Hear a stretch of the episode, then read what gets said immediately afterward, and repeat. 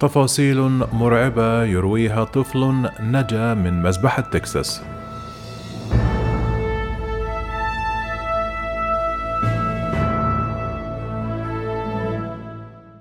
تفاصيل مرعبة رواها طفل في الصف الرابع الابتدائي كشف خلالها كيفية نجاته هو وصديقه من الهجوم الذي شنه المراهق سلفادور راموس على مدرستهم الابتدائية في ولاية تكساس الأمريكية موضحا الكلمات التي وجهها المهاجم للأطفال قبل إطلاق النيران عليهم.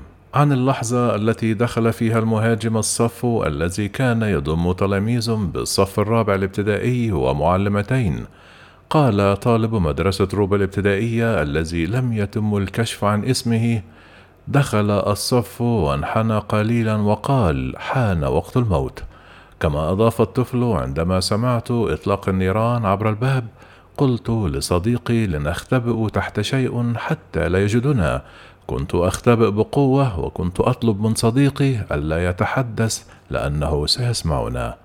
اختبأ الطفل الصغير وأربعة آخرون تحت طاولة عليها غطاء قماشي عمل على تغطيتهم وإخفائهم عن عين سلفادور راموس البالغ من العمر 18 عاما والذي فتح النيران على الفصل مما أسفر عن مقتل 19 طالبا ومعلمتين وإصابة 17 آخرين.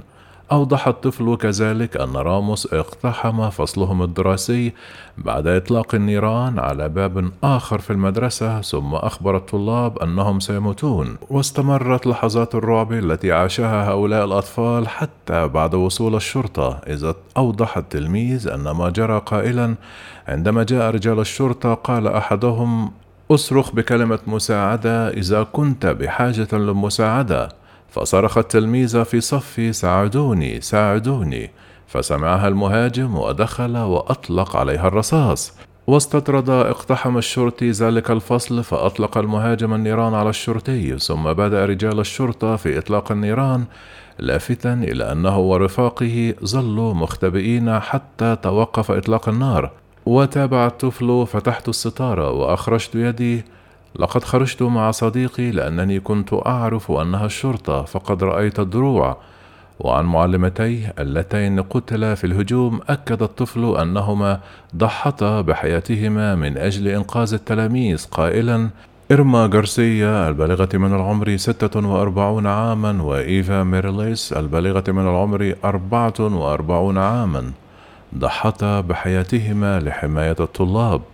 لقد كانتا لطيفيتين وقد وقفتا أمام زملائي لمساعدتهن وإنقاذهم. مع مرور الوقت تخرج المزيد والمزيد من التفاصيل إلى العلن عن هوية القاتل ودوافعه وتفاصيل ما حدث.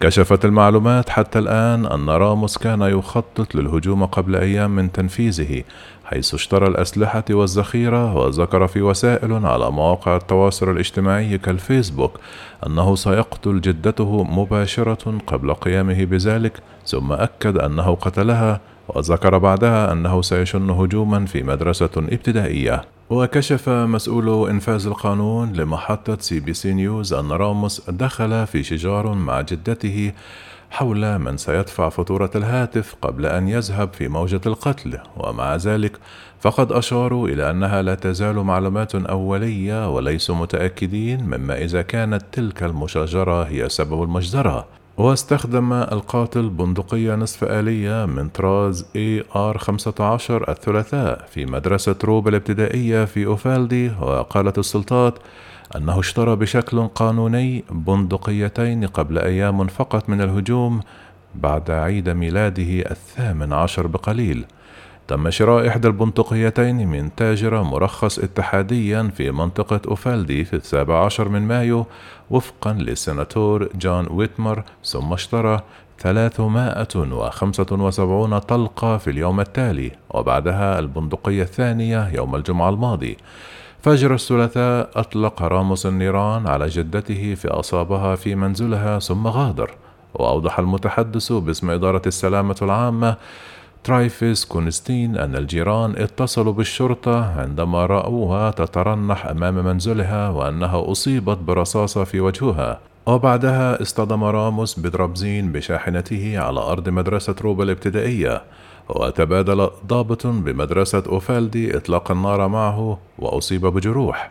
كما أضاف كونستين أن المراهق دخل المدرسة وتبادل المزيد من إطلاق النيران مع اثنين من ضباط شرطة أوفالدي الذين وصلوا وكان لا يزالان في الخارج مما أسفر عن إصابتهما.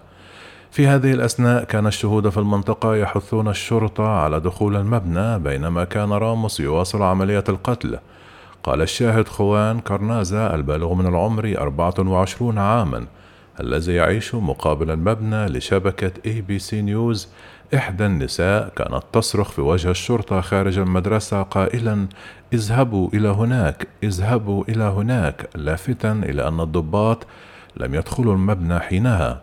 وأثار رد فعل الشرطة موجة من الغضب في المجتمع إذ طالب جاستينو كازاريس الذي كانت ابنته جاكلين البالغة من العمر عشر سنوات من بين القتلى بمعرفة سبب تمكن راموس من اجتياح المدرسة لمدة تسعون دقيقة حتى تم قتله. كانت أول مكالمة تلقتها الشرطة بشأن الهجوم كانت في تمام الحادية عشر والنصف صباحا. أي قبل تسعون دقيقة من إيقاف المهاجم كما أفادت المكالمة أن رجلا خرج من سيارة محطمة وكان يحمل بندقية طويلة وحقيبة زهر. وقال كازريس كان هناك ما لا يقل عن أربعون من رجال القانون المسلحين لكنهم لم يفعلوا شيئا حتى فوات الأوان. كان من الممكن أن ينتهي الوضع بسرعة إذا حصلوا على تدريب تكتيكي أفضل ونحن كمجتمع شهدنا ذلك مباشرة.